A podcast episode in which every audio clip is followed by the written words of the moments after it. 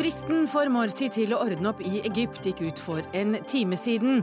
Nå ryktes det om militærkupp i Egypts hovedstad. HV-festivalen samarbeider med modellspeidere. Nå skal ungdommen få et pusterom, spør Inga Marte Torkelsen.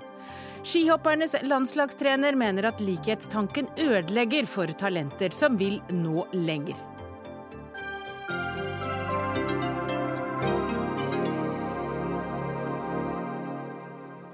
Ja, Det er noen av sakene i Dagsnytt 18. Vi skal også innom huseiernes søksmål mot DNB fordi banken satte opp renten på boliglån. Velkommen til Dagsnytt 18 onsdag 3. juli. Jeg heter Hege Holm og leder vel eh, det som kan vise seg å bli en historisk dag i Egypt. For fristen eh, Mohammed Morsi hadde fått til å ordne opp i Egypt, den gikk ut for en time siden. Og da fristen gikk ut klokka fem, meldte flere nyhetsbyrå at Egypts president president Mohammed Morsi tilbød seg å danne en samlingsregjering som en vei ut av krisen. Nå ryktes det om militærkupp i Egypt. Og Jan Espen Kruse, du er i Kairo. Hva vet du? Det er den nasjonale sikkerhetsrådgiveren til presidenten som eh, har eh, sagt at eh, et militærkupp er i gang her. Det blir ikke sagt noe særlig mer om hva det konkret innebærer. Det, det rykker ryktes her, Det er jo massevis av rykter, og et av dem går ut på at Morsi skal uh, ha blitt satt i husarrest. Men uh, det, er, det, er, ingen uh, bekreftelse på noen måte på dette her. Så Vi ser nå at det er en god del flere helikoptre i luften her. Fjernsynssenteret er omringet av militære, men ellers er det ikke veldig masse militære ute i gatene. Men hva vet du om Morsis forslag om å danne en samlingsregjering for å komme ut av krisen? Jo, det kom jo da eh, rett før denne tidsfristen gikk ut. Eh, og det er nok et eh, forslag, et initiativ som kommer altfor sent. Det vil i hvert fall opposisjonen helt sikkert si. Opposisjonen har ikke kommentert dette ennå, etter det jeg har sett. Men de vil nok si at tiden for en samlingsregjering er over for, for veldig lenge siden. Men hvis nå de militære har tatt over, hvilke konsekvenser vil det få for, eh, for Egypt akkurat i øyeblikket? Ja, Det er veldig vanskelig å si. Det spørs på hvilken måte de gjør det. Eh, hvis de setter eh, til side Grunnloven og oppløser nasjonalforsamlingen, og hvis de nå eh, tar hånd om eh, presidenten, da, for å si det pent, på et eller annet vis, så kan det jo, eh, eh, så, så, kan det jo bli veldig sterke reaksjoner. Altså, det muslimske brorskapet sier jo at dette er et kupp, dette kan ende i blodbad, dette kan gå forferdelig ille ille i et land som er så veldig splitta eh, som Egypt er når det gjelder altså, islams rolle i eh, samfunnet. Så eh, de, de, de, jeg var på et møte, en demonstrasjon da, for Morsis støttespillere i ettermiddag. og Der var de rasende på det som nå er i ferd med å skje. De mente at det som ble oppnådd gjennom legitime valg, det blir nå tatt fra dem. Ja, Vi har med oss Gry Larsen, du er statssekretær i Utenriksdepartementet. og Hva vet du om det som skjer i Kairo akkurat nå? Nei, akkurat mens vi sitter her i studio, så kommer det jo eh, ulike meldinger. Meldinger om at eh, president Morsi skal ha tatt initiativ til en samlingsregjering. Meldinger om at eh, det er noe på gang fra, fra militærets eh, side. Men eh, jeg kan ikke bekrefte eller avkrefte noe, og det sier noe om den situasjonen vi er i nå. Altså også den situasjonen vi har vært i de siste døgnene. Det har vært veldig dramatisk. Eh, og jeg tror nok at det vi kan slå fast, det er at vi går dramatiske timer eh, i møte som kommer til å avgjøre på mange måter også Egypts framtid. Harald Høybakk, eh, du er oberstløytnant ved Forsvarets stabsskole. og Er det noe du kan snakke om, så er det nettopp militærkupp. Det har du greie på. Ut fra de opplysningene vi får nå, hva er det du tror, eller hvilket scenario kan du tenke deg skjer i Egypt? Ettersom vi ikke vet mer, så må vi rett og slett spekulere. Ja, og Spekulerer vi, så kan vi spekulere langs de si, lange historiske linjene. Og da er det vi ser nå, eh, det er det normale. Altså Demokratiseringsprosesser viser seg ofte å være blodige. Statskupp er i hvert fall i denne delen av verden den si, normale måten å, å, skifte makthavere på. Det som er nytt i den situasjonen bredt enda da, det er jo den arabiske våren, hvor, hvor, denne delen av verden er veldig ustabil. Så det gjør Disse tingene til sammen gjør at denne situasjonen er usedvanlig uoversiktlig. Du sier at dette er normalen. Betyr det at fordi Morsi ikke kom med annet svar enn at han, eh, han vil, eller foreslo en samlingsregjering for å bøte på krisen, så tok militæret over?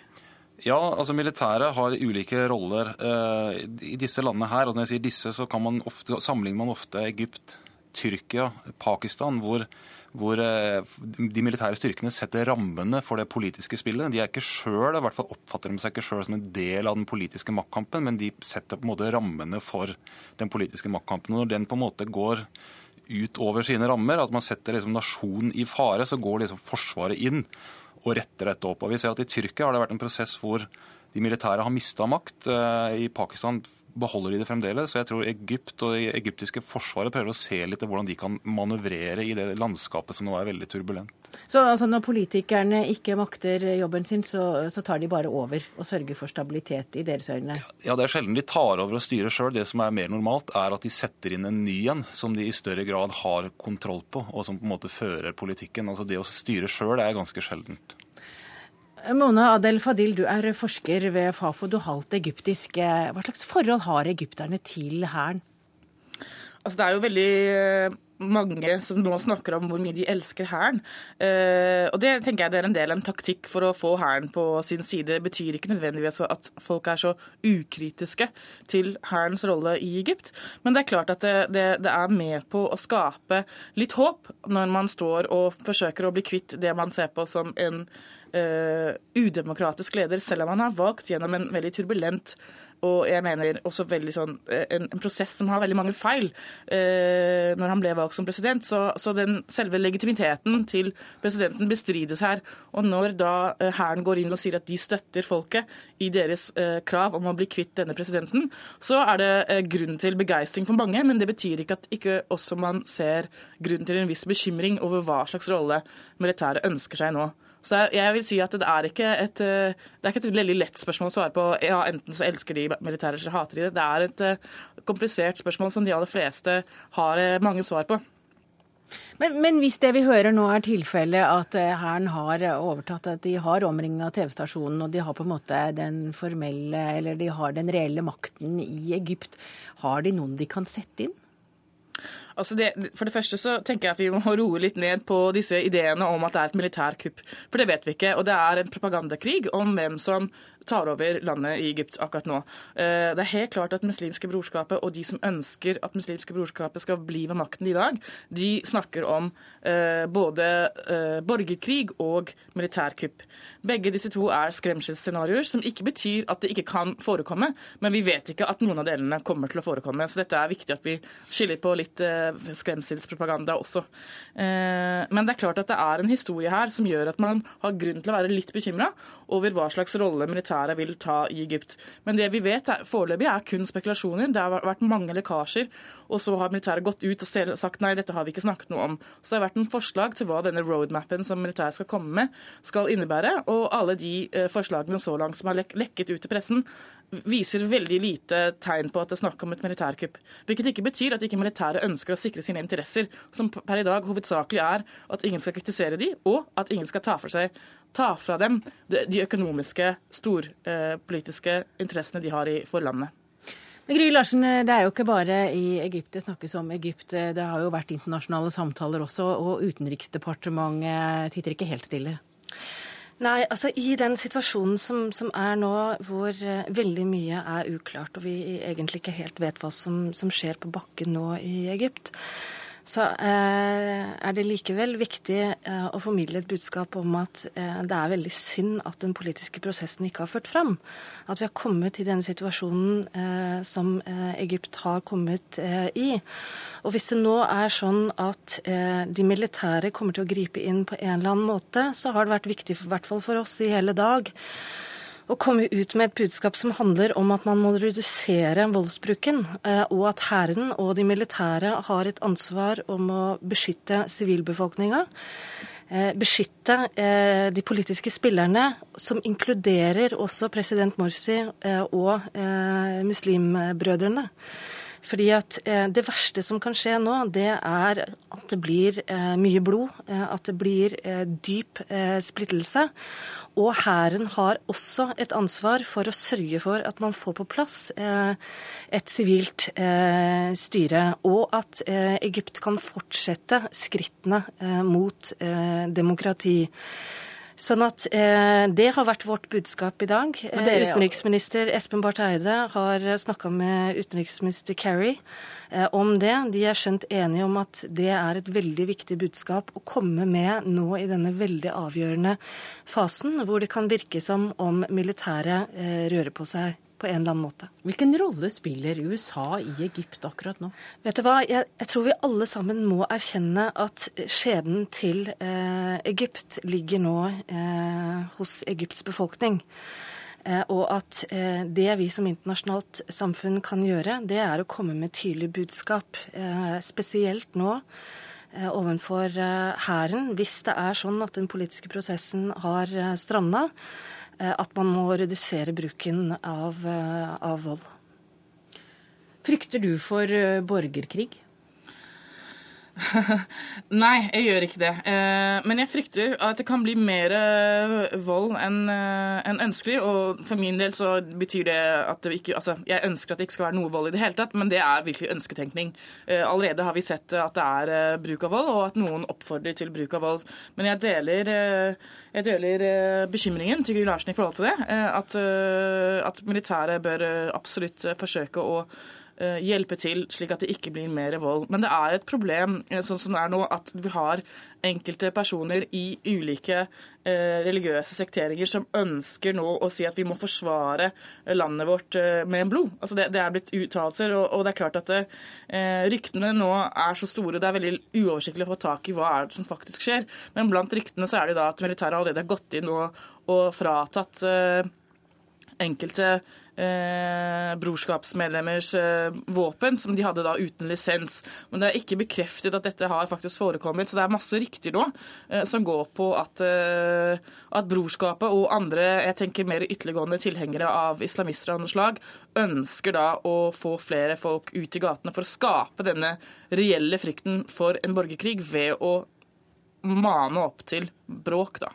Men, men, de som er i opposisjon, kan man se på det som en samlet gruppe, eller er det bare veldig mange forskjellige grupper som er misfornøyd? Det er veldig mange ulike grupper som er misfornøyd. Eh, det er det.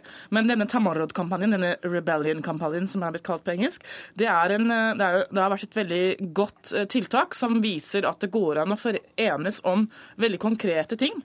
Men allikevel så, er det, så neste steg er jo det vanskeligste. Altså Hva kommer etter? Gitt at man greier da å få Morsi til å step down, hva kommer så? Og Det er der denne roadmapen til militæret at man er veldig usikker på hva det faktisk innebærer. Og så har det vært lekkasjer om at det har vært snakk om ok, da skal man oppløse nasjonalforsamlingen, man skal, man skal sette i gang en ny prosess på Grunnloven, og en del av disse veldig prekære tingene som har vært veldig politisk bestridte i Egypt siden eh, både brorskapet og Morsi kom inn i makta. Men så har Tamarat-kampanjen nå også gått ut veldig tydelig og har sagt vi ønsker at militæret skal stå på vår side, skal beskytte nasjonen fra vold og fra borgerkrig, men vi ønsker ikke at de skal ta over makten. Og i den grad de skal ha noe politisk innflytelse, så er det én person av fem som sitter i et sånt council. For å komplisere bildet ytterligere, så er heller ikke Forsvaret eller militæret én blokk. Der også er det uenighet. Og der også er det spesielt yngre offiserer som ser at eldre og veletablerte på en måte stagnerer. Og, så vi må ikke se på det som én granittblokk, men der også er det kompliserte sammenhenger. Gry Larsen, hva gjør eh, Norge i forhold til Egypt akkurat nå? Vi har jo et bredt nettverk i eh, Egypt. Eh, helt siden den arabiske revolusjonen så har jo, eh, og også før det, så har jo vi hatt kontakt med ulike parter i Egypt. Fordi at Egypt har veldig lenge vært et polarisert samfunn. Så vi holder selvsagt kontakt med våre nettverk. vi er opptatt av kontakt med andre land. Akkurat nå så er vi jo i en situasjon hvor mange av de sentrale spillerne er også krevende eh, å få tak i og, og, snakke med, fordi situasjonen er såpass dramatisk på bakken som, som, det den eh, er. Men vi bruker de kanalene vi har til å komme eh, ut med vårt budskap og formidle eh, det. Eh, og det kommer vi selvsagt til å, å fortsette med de nærmeste timene og de neste døgnene. Takk til eh, deg, statssekretær i Utenriksdepartementet Gry Larsen. Eh, takk også til deg, oberstløytnant Harald Høybakk, eh, forsker ved Fafo Mone Abdel Fadil, og Jan Espen Kruse fra Kairo. Og det ryktes altså at det har vært militærkupp i Egypt i ettermiddag, men det er ennå ikke bekreftet.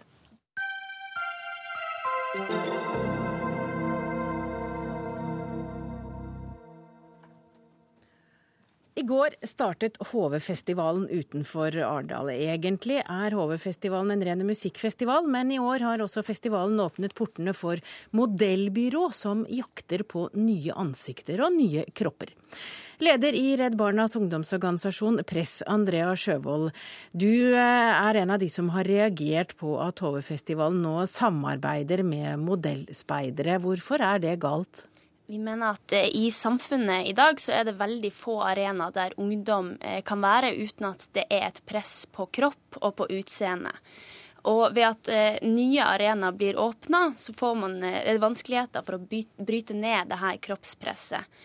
At man må jobbe for at ungdom skal føre mindre press på utseende og på kropp og seksualitet, istedenfor å, for å bygge opp dette, da. Men tror du ikke at slike modellspeidere er der uansett om de har spurt om lov eller ikke? Det kan godt være, det vet jeg veldig lite om. Men det handler om at man skaper et fokus på dette gjennom at eh, en festival med ganske unge deltakere eh, har, eh, har, skapt et, en forståelse om at her skal man også se bra ut på festival. Eh, ikke bare ha det gøy og ikke bare høre på musikk, men man skal også eh, se bra ut. Kari Skippervold, du er ansvarlig for kulturprogrammet på HV-festivalen. Hvorfor har dere satt i gang eller sluppet inn eh, modellbyråene på festivalen?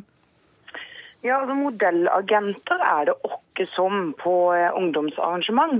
Det vi har gjort, er å gjennom Festival Republic eh, tatt kontakt med disse og, og har en tett dialog med agentene.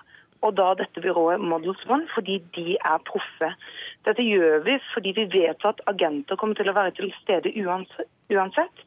Og da har vi tenkt dette må vi ta ansvar for, og vi må gå i møte med det. Og, og, eh, og finne den beste løsningen på dette. Og den beste løsningen er at dere annonserer på hjemmesiden deres om at det er et modellbyrå der, og at folk kan kontakte modellbyrået på Twitter? Ja, vi informerer våre, vårt publikum om det som er å finne på området. Eh, så dette er en av 600 historier vi har fortalt om eh, av alt mulig som beveger seg på området. Hvor gamle er eh, de som besøker HV-festivalen? Gjennomsnittet er 20 år. Men da er de jo voksne nok til å bestemme selv, Sjøvold? Ja, men det er jo også yngre. Selv om gjennomsnittet er 20 år, så finnes det også yngre deltakere. Hovedproblemet med det her er jo at eh, hver dag så får man det her presset på oss, eller man møter det her ufrivillig. Eh, et modellbyrå er jo åpent eh, året rundt, og de som ønsker å være modeller, mener at de har det som skal til for å være en modell, kan jo sjøl kontakte disse byråene, istedenfor at de skal måtte tenke på det eh, på festival ufrivillig.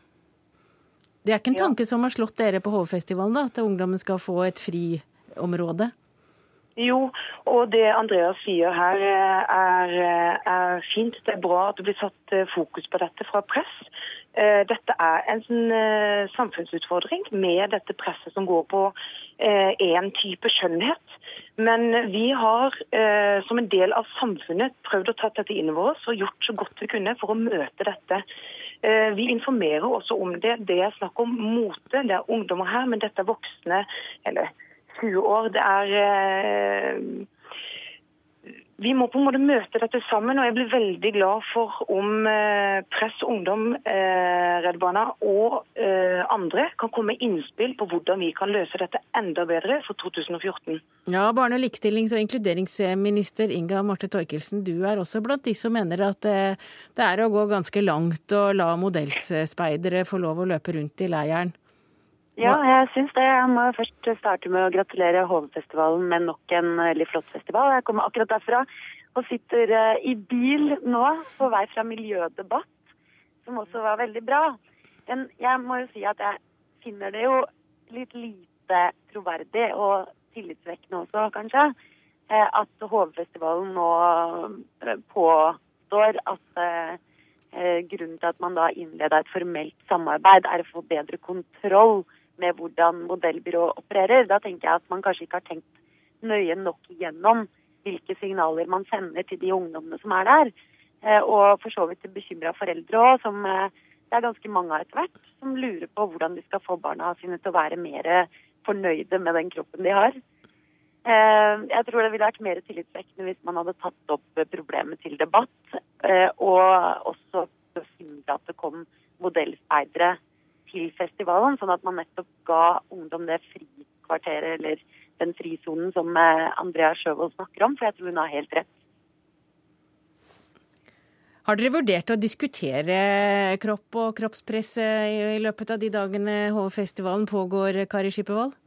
Det er mange saker vi tar opp her på, på HV. og um, Dette her er en viktig debatt. Uh, vi har også nære samarbeid med mange uh, gode aktører som er til stede med mye innhold som vi kunne ønske også at vi kunne snakka mer om. Vi har samarbeid med NOAH, Amnesty, Natur og Ungdom. Redd Barna er her jo, Maritastiftelsen osv. Så, videre, så det er så mye vi kan eh, snakke om i forhold til. Men modellagenter er til stede. Men det er jo ikke bare det, Skippervold, for dere har jo også eh, kastet dere på den eh, trenden med litt sånn eh, glam-camping.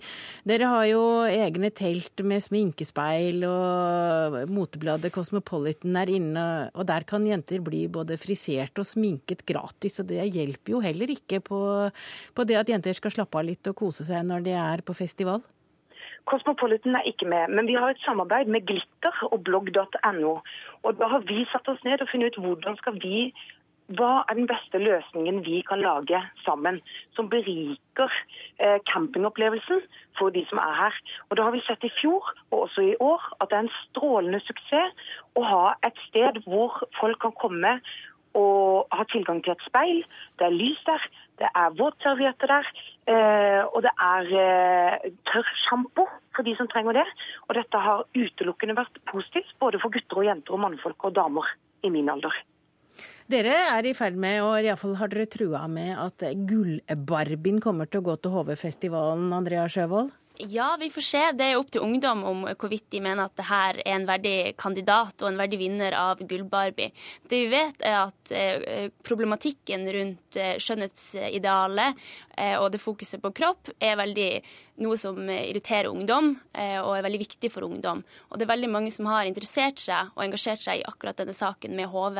Og hva må til for å vinne en Gullbarbie? De må vise at, eh, at, de ikke ønsker å endre sitt syn eller eh, ha et åpnere syn på dette med kroppspress. Eh, de må nå ut til en rekke ungdom. Det gjør de allerede. Med, med dette synet på kropp, som jeg får inntrykk av at de har. At det handler om å være, være pen, også på festival.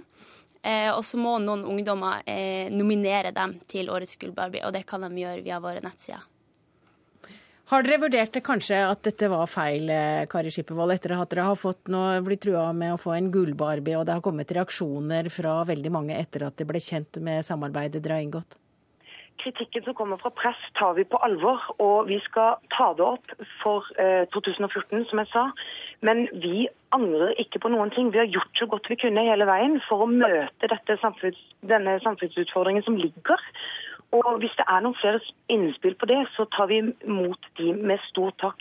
Det som er litt interessant her, er jo at eh, Dagsnytt 18, dere er interessert i dette. Eh, interessen på området er ikke stor for dette. Det er sånn jeg opplever det. Eh, man kan laste opp med hashtag på Instagram bilder om man ønsker å være delaktig på dette, eller åkke som hvis man er interessert. Og i, år, nei, fjor, nei, i går så var det opp til mot 17 000 mennesker her. Og til sammen, nå sjekker jeg nettopp, så ligger det 13 bilder på den hashtaggen. Så interessen her på området er ikke stort, uh, er ikke stor, men dette må vi ta tak i. Hvis noen kan komme med uh, noen bedre løsninger, så takker vi for det. Men jeg tror at eh, HV-festivalen er nødt til å ta inn over seg det som er et stort problem, og det er at det er et veldig veldig sterkt press på ungdom nå. Og det er blitt uh, mye større med åra også. mm. på utseendet, som gir seg utslag i at mange ungdommer går rundt og føler seg daglig føler daglig at, de er, uh, at ikke det er bra nok. Og det påvirker også helsa deres. Og Det gjelder f.eks. 50% av 15-åringene i Norge, norske 15 år gamle jenter, syns at de er for tjukke uten at de er det. Og De får det fra alle kanter absolutt hele tida. Og det er også en frykt til som jeg har, og det er frykten for falske agenter på en leir som det, hvor det også er en del alkohol inne i bildet, og hvor det er mange som er, som er unge som er til stede. Og ungdom er sårbare. Eh, om det er noen som da eh, er falske, utgir seg for å være modellspeidere, får jenter til å kle av seg og sånne ting, det vet vi at det skjer det også en del av. Så Det må også HV være bevisst på. Det er vi veldig bevisst på, og det er derfor vi har tatt denne løsningen. Og hvis det kommer opp enkeltsaker som vi må deale med, så tar vi de fortløpende. Vi skal ikke ha uprofesjonelle modellagenter på dette området. Det er derfor vi har gjort de grepene vi har gjort. Da fikk du siste ord. Takk til deg, Kari Skippervold, ansvarlig for kulturprogrammet på HV-festivalen. Takk også til deg, barne-, likestillings- og inkluderingsminister Inga Marte Torkelsen, og Andrea Sjøvold, leder i Redd Barnas ungdomsorganisasjon Press.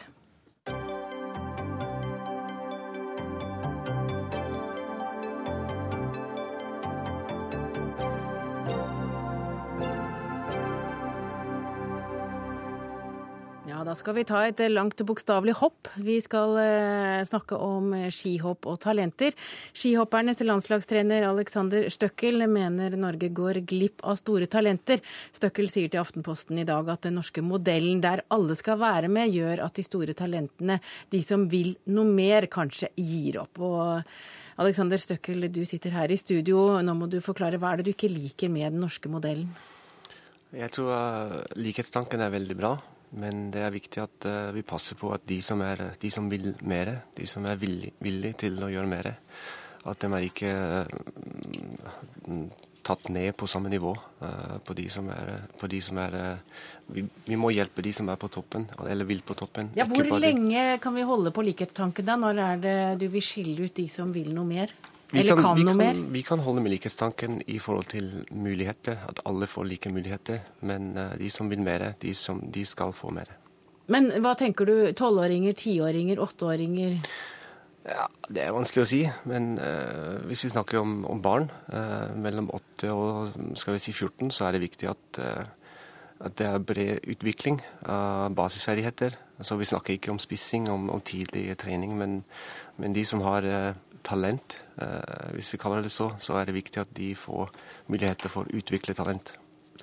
Du er østerriker. Hva gjør dere i Østerrike for å utvikle talenter, og da håptalenter som du kanskje har mest greie på? Det er jo ikke, det er ikke til å stikke under en stol at eh, folk er gode til, veldig gode til å håpe i Østerrike. Ja, I Østerrike er det, det er litt det er en forskjell fordi det er skoletyper i Østerrike som eh, tar vare på barn mellom 10 og 14 for å utvikle mm, ferdigheter i kunst, eh, idrett, vitenskap for de som vil. Så det er ekstra tilbud i skole, i skole eh, for de som vil gjøre mer enn en, en som går i en vanlig skole. Men mener du virkelig at vi går glipp av talenter som bare sløves hen fordi de ikke får nok utfordring? Ja, jeg tror det, det skjer av og til. Jeg tror det er F.eks. det var forrige uke. Vi hadde storsamling oppe i Midtstua. Det var 350 barn. Og så hadde vi Jeg har kjørte en teknisk trening med barn. Og så var det en som sa Det var en sånn øvelse på bånd eh, med sånn rulling framover. Og eh, han sa nei, jeg vil ikke. Jeg vil ikke gjøre det. Men han får lov til å hoppe på trampolin etterpå og prøve en forlengs-salto. Eh, og det tar tid for meg som trener, fordi de som har trent på, på gulven, de dem er bra, de kan bare gjøre det. Men jeg må passe på den som har ikke gjort det, men fortsatt får lov til, uh, lov til å hoppe på trampolin. Inge Andersen, hva mener du er fordelene ved den norske modellen? Først og fremst så skapes det ekstremt mye idrettsglede i norsk idrett. Det, vi, har, vi har en klubb klubbkultur i Norge som helt enestående.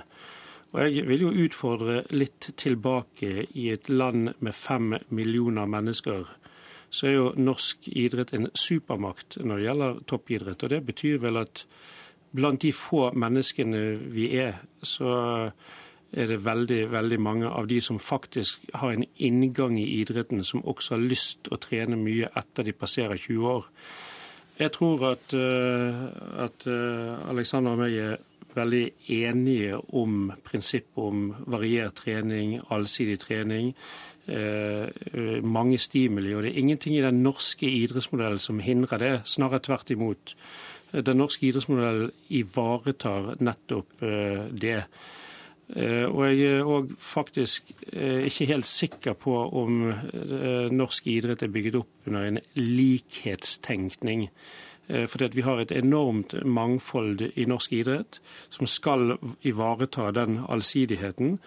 Og vi har mange idrettsutøvere på toppidrettsnivå som er veldig gode i mange ulike idretter. Vi skal ikke gå lenger enn til vårt naboland Sverige, hvor vi ser at i et vinter-OL så er vi gode i hopp, i kombinert, i skiskyting, i langrenn, i curling. I de aller, aller fleste olympiske vinteridrettene. Mens eh, f.eks. i Sverige er jo ikke på langt nær det. Og Sånn er jo òg med Østerrike. Ja, du, du, er jo altså generalsekretær i Idrettsforbundet. og Det du sier nå, jeg mener du, mener du at Støkkel her ikke engang kommer over kuren? Er det det du sier? Nei, jeg har stor respekt for, for Støkkel. Han er en meget dyktig trener. Eh, og jeg, som jeg sier, jeg tror heller ikke vi er så veldig uenige. Eh, men jeg har sjøl vært landslagstrener i langrenn òg i Sveits. Jeg har vært landslagstrener i Norge. Eh, og jeg tror jeg kjenner den mellomeuropeiske treningsmodellen godt. Vi har en helt annen klubb- og fellesskapskultur i Norge som er absolutt helt unik. Vi har en helt annen idrettsmodell enn de fleste andre landene. Og så skal vi selvfølgelig òg stimulere de som er best. Eh, og det kan vi alltid bli bedre på. Men jeg tror vi er faktisk eh, blant de aller aller beste i klassen allerede der. Men vi skal gjøre det enda bedre. Men Støkkel, du er jo altså landslagstrener for hopperne. Mener du at vi hadde hatt bedre, oppnådd bedre resultater eh, i hopprenn rundt omkring i verden hvis vi hadde brukt en annen modell for å drive fram eh, unge talenter? Nei, vi snakker ikke om en annen modell. Jeg tror det er små detaljer som kan være litt bedre. Jeg støtter tanken din om og da ta de ut tidligere, eller eh, gi et annet tilbud? Ikke ta dem ut, eh, men gi dem et litt annet tilbud. Eh, sørge for at, sørge for at de har bedre basisutdanning. Mellom 8 og 12-14 år. Da snakker vi om gullalderen. Men snakker du her om skolesystemet, at vi må ja. endre på det? Ja, det er vanskelig. Men jeg tror at med, med det som er veldig bra i Norge, er, er klubbmiljø, klubbmiljø. Så det er viktig at vi prøver å få et tilbud uh, gjennom uh, Idrettsforbundet og klubbmiljøet, hvor vi skaffer f.eks. ei trening per uke med alle barn for forskjellige idretter, med basis, uh, utdanning og basisferdigheter. Så hvis vi klarer det, så tar vi et steg videre. Så du mener rett og slett at det er basiskunnskapene som er for dårlige? Jeg tror det. Men da snakker vi jo ikke om at det er noe feil med bredden, da er det bare måten de trener nei, på? Nei, det er ikke noe feil med bredden, det har jeg ikke sagt. Så det, det er måten å trene på. Da kan vi gjøre noe bedre. Da har nå i hvert fall du gitt det tipset til Inge Andersen, generalsekretær i Norges idrettsforbund. Og så kan du jo fortsette å trene hopperne dine. De, de hviler vel ikke selv om det er sommer og mangel på snø. Ja. Takk til deg, Alexander Støkkel.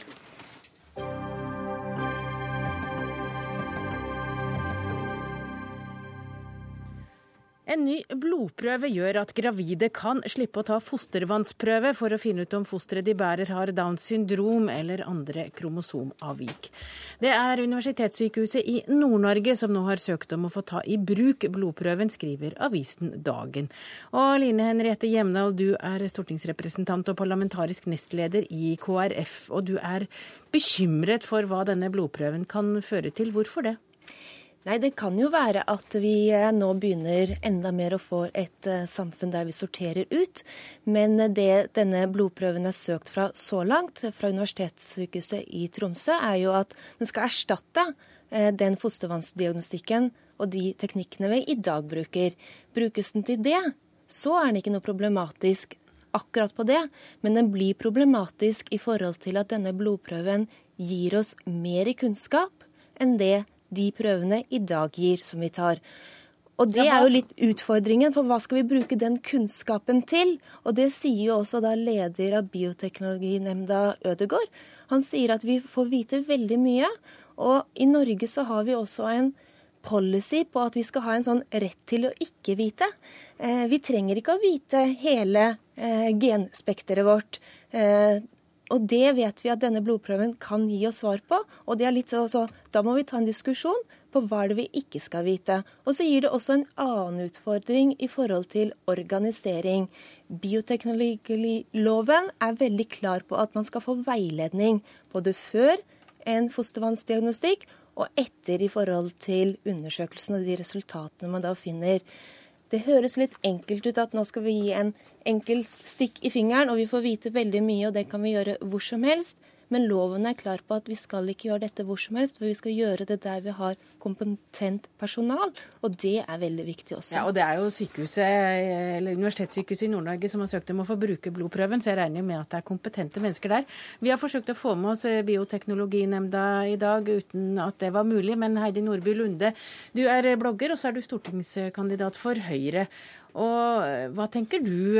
Du stiller deg jo mye mer positivt til denne blodprøven enn eh, Hjemdal gjør her.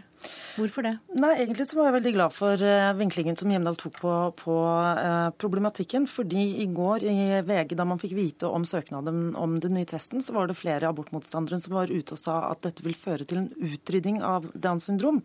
Hvilket uh, jeg har skrevet en kronikk på NRK Ytring i dag, er rent medisinsk feil. Du utrydder ikke et syndrom ved å ta en test.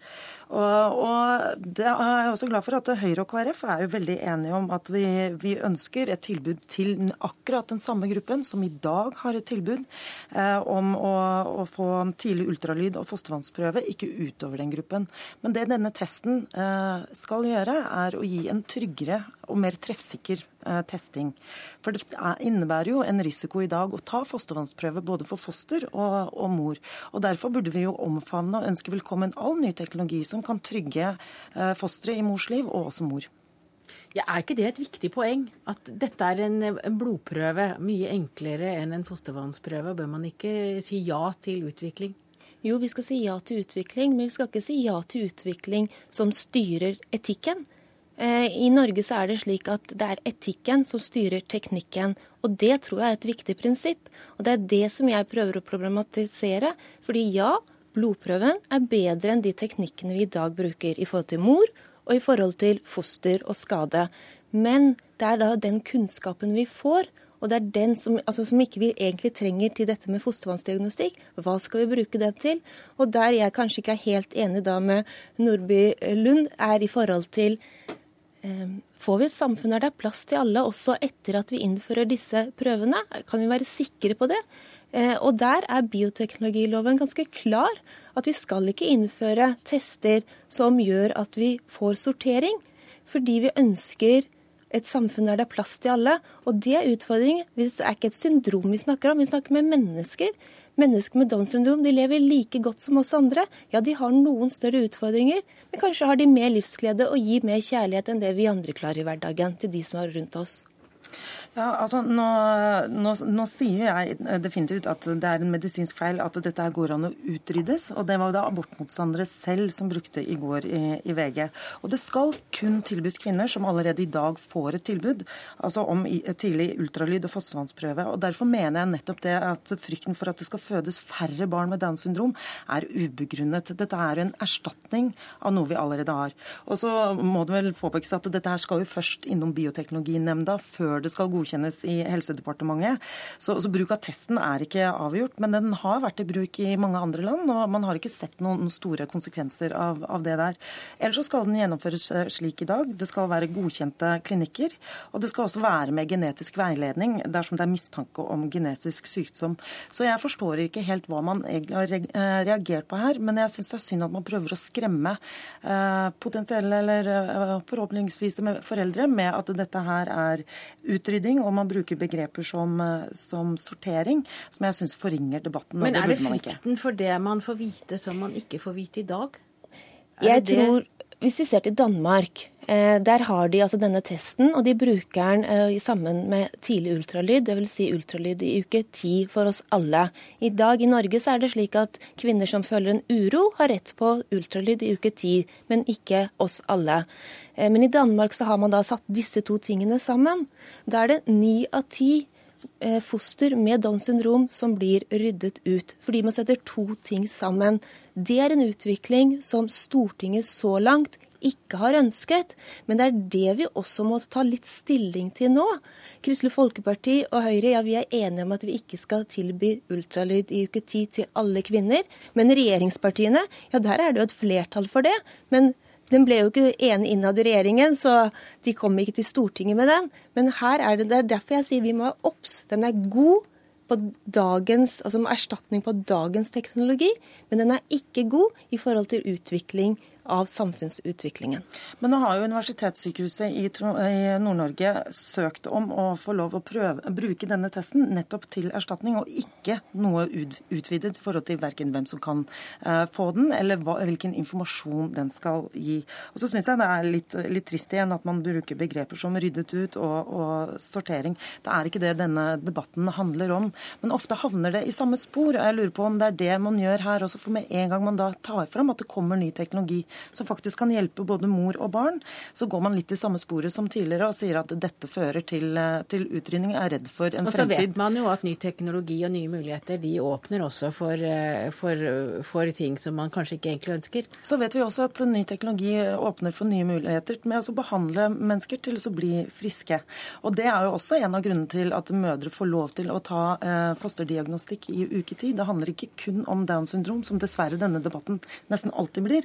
Det handler også om, eh, ved mistanke om andre alvorlige sykdommer som gjør at barnet faktisk ikke kan bæres fram i løpet av graviditeten også.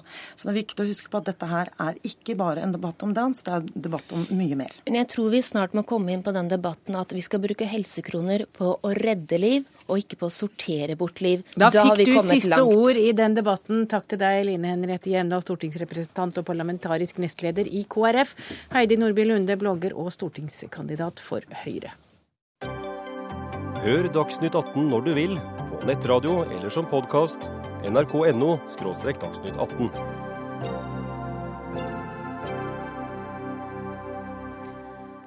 Ja, I dag eh, kunne vi høre til morgenkaffen at Huseiernes Landsforbund nå går til søksmål mot eh, DNB fordi banken satte opp boligrenta i mars, selv om Norges Banks styringsrente sto urørt. Og Den siste renteøkningen var ulovlig, det mener du Petter Batta. Du er administrerende direktør i Huseiernes Landsforbund. Hva var det som ikke var riktig med den? Nei, Vi stiller et stort spørsmålstegn ved hjemmelen for den renteøkningen. Vi har jo sett på de låneavtalene som bankene inngår med sine kunder. Alle lån som blir gitt, har jo en eh, avtale bak seg. Og, Der er det en del kriterier som må være oppfylt, som vi mener ikke er oppfylt i dette tilfellet. Man har påberopet seg nå i flere måneder at det er offentlige krav til økt egenkapital som er begrunnelsen. De kravene har jo ikke kommet enda. Så, så her har man liksom foregrepet eh, noen påstander som både statsministeren, finansministeren, sentralbanksjefen har avvist eh, som ukorrekte, og, og, og har hatt en for høy rente i alle fall noen måneder til nå. Og, og, eh, vi ser heller ikke de låneavtalene som vi har sett på i dag, at det er hjemmel for, for den slags eh, avtaler. Det er pengemarkedsrenten. Hvis den endrer seg betydelig, så kan bankene sette renten opp. Eller hvis det kommer konkrete offentlige krav gjennom sentralbanken, om tilleggsreservekrav, hva det måtte være av, forskjellige ting, så har de også mulighet. Men å komme med en påstand om uh, mulig fremtidige renteøkninger eller uh, krav til sikkerhet i bankene, at det liksom skal føre til økte renter lang tid i forveien, det mener vi er, er helt på kanten av lovverket. Og Vi skulle jo gjerne hatt eh, banken DNB her eh, i studio, men eh, de ville ikke stille i Dagsnytt 18 i dag. Men det har derimot du gjort, Ida Kreutzer, du er administrerende direktør i Finansnæringens hovedorganisasjon. Og nå må du forklare oss, for dette er jo ikke noen helt ny debatt, det at flere banker satte opp boligrenter i mars, selv om ikke det var noen signaler som tydet på at renta lånerenta til mm. bankene gikk opp? Mm. Nei, kanskje jeg skal bare begynne litt med, med faktum. Eh, altså fordi i fjor våres, eh, henholdsvis i mars og mai, så var det flere banker som satte ned rentene med mellom 0,2 og 0,3% Flesteparten med 0,25 og så er det riktig at i år så er det flere banker som har satt opp rentene. Jeg har vært inne og sett litt på det nå før sendingen, og det er mellom 0,2 og 0,35 Uh, og, og, til det Batta tar opp, altså dette er jo hjemlet i, finansavtaleloven, som krever saklig grunnlag. Uh, og det er åpenbart et uh, saklig grunnlag i denne saken for bankene til å gjøre de vurderingene som de nå har gjort på, på, på rentesiden. Og det er jo heller ikke riktig som Batta sier, at dette er fremtidige mulige krav. kravene er fastsatt. De er vedtatt. Vi vet de kommer. De skal tilfredsstilles fra nå og frem til 2016. Eh, og vi har også underlagt krav om forsvarlig forvaltning, og da må man eh, arbeide langsiktig og begynne nå med å forberede seg for det vi vet kommer. Ja, Batta, Du etterlyser Norges modigste advokat som kan ta opp kampen eh, med de grådige bankene, som du sier. Det høres ut som du har en litt dårlig sak her? Eh, altså Det får vi se. Eh, det som er tilfellet, er jo at, at, det er noe forskjeller i lånevilkårene i de enkelte banker. Jeg har sett på vilkår f.eks. i den danske bank, som jeg syns er veldig klare, og som helt opplagt ikke ville eh, tilfredsstille den økningen som den danske bank har gjort nå. Så, så, og Det som også er meget beklagelig, det er at vi har sendt både e-mail og brev til DNB, Nordea, og bedt om hjemmel for den renteøkningen de gjorde. DNB har ikke svart. Vi har purret på det og ikke fått svar. Og Det syns jeg er nokså negativt. Men har ikke bankene lov til å gjøre hva de vil med renta? Vi får vel heller da bytte bank hvis vi er misfornøyd?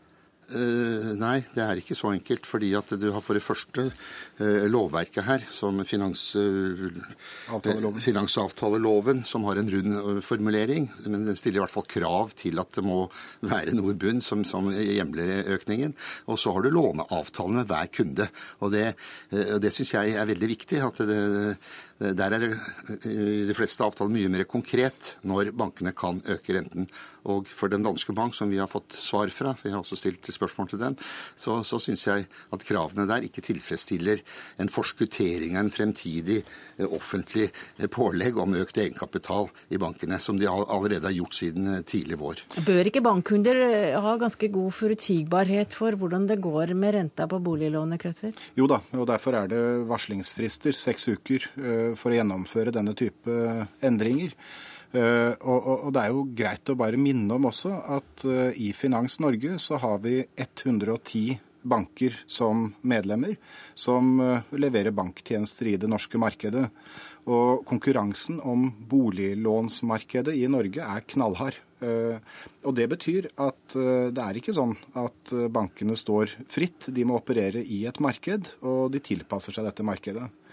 Eh, hvis jeg kan få lov, så er det jo, det er, jo tre grunner til at rentene nå har blitt satt opp. Det, det, ene er at eh, de innlånene som bankene gjør fra nasjonale og internasjonale kapitalmarkeder, fremdeles har relativt høye priser. Det andre er at innskuddsrenten er svært høy. Eh, man må se det i sammenheng.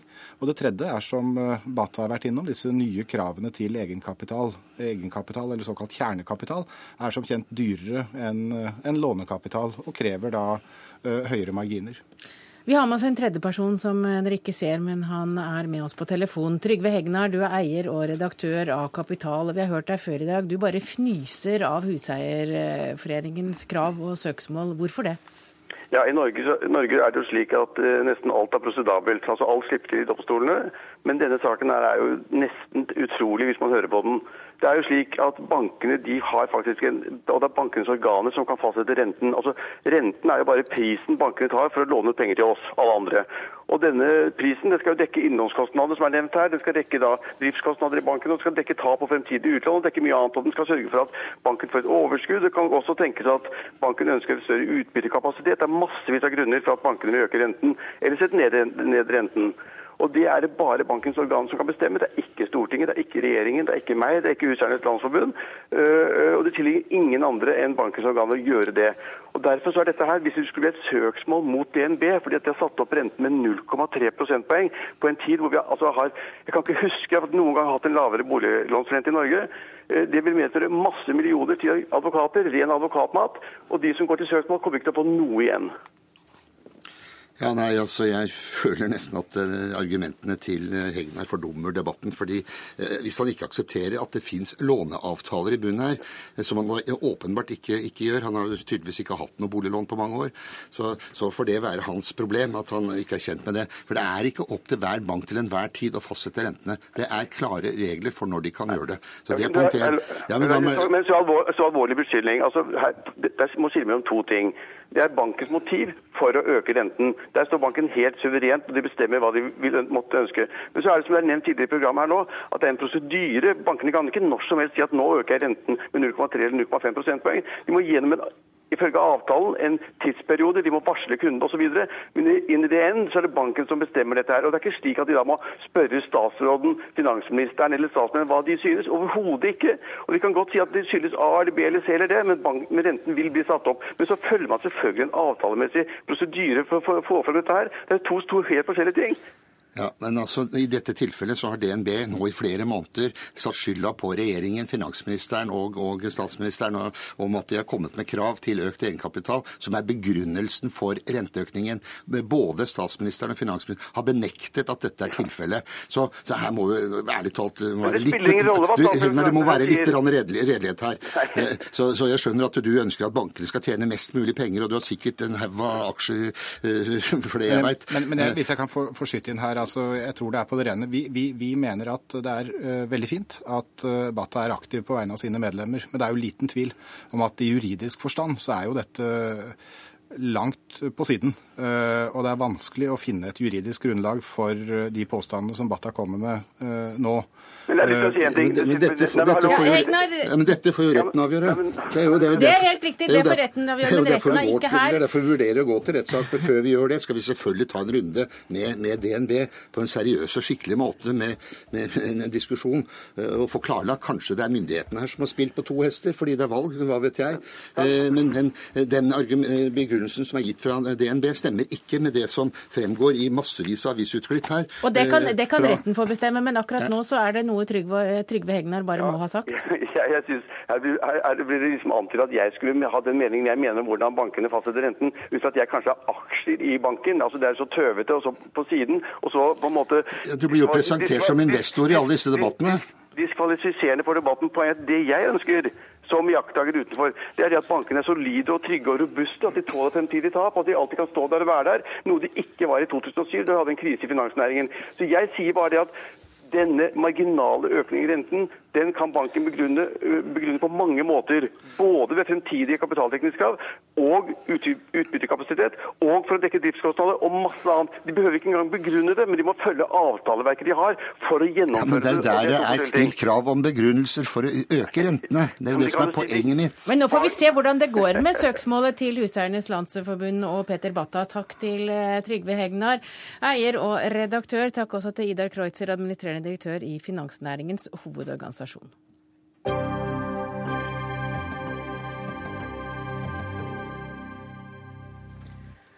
Mens Nelson Mandela går inn i sitt 26. døgn på sykehuset i Pretoria, står resten av familien i en bitter strid.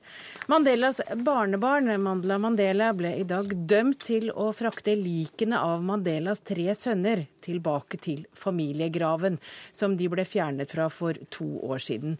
Og utenriksmedarbeider Tom Christiansen, kommer Mandela Mandela til å gjøre det? Nei, det kommer han ikke til å gjøre.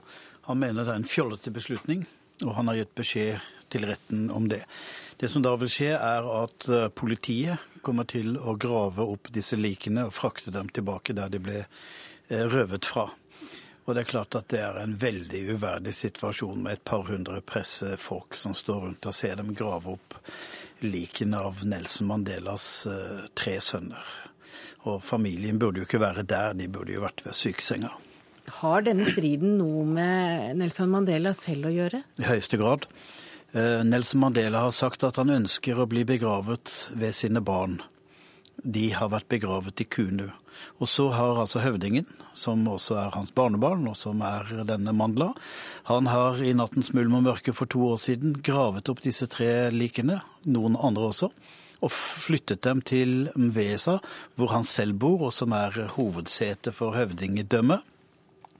Der vil han lage en stor Mandela-plass. Der bygger han selv et hotell, og dette kommer til å bli en turistmagnet, slik han har tenkt det.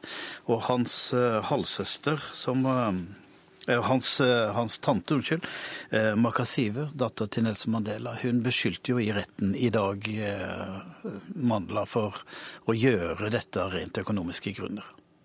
Vet eh, Nelson Mandela i det hele tatt noe om striden? Ingenting. Han er ikke holdt eh, oppdatert om det.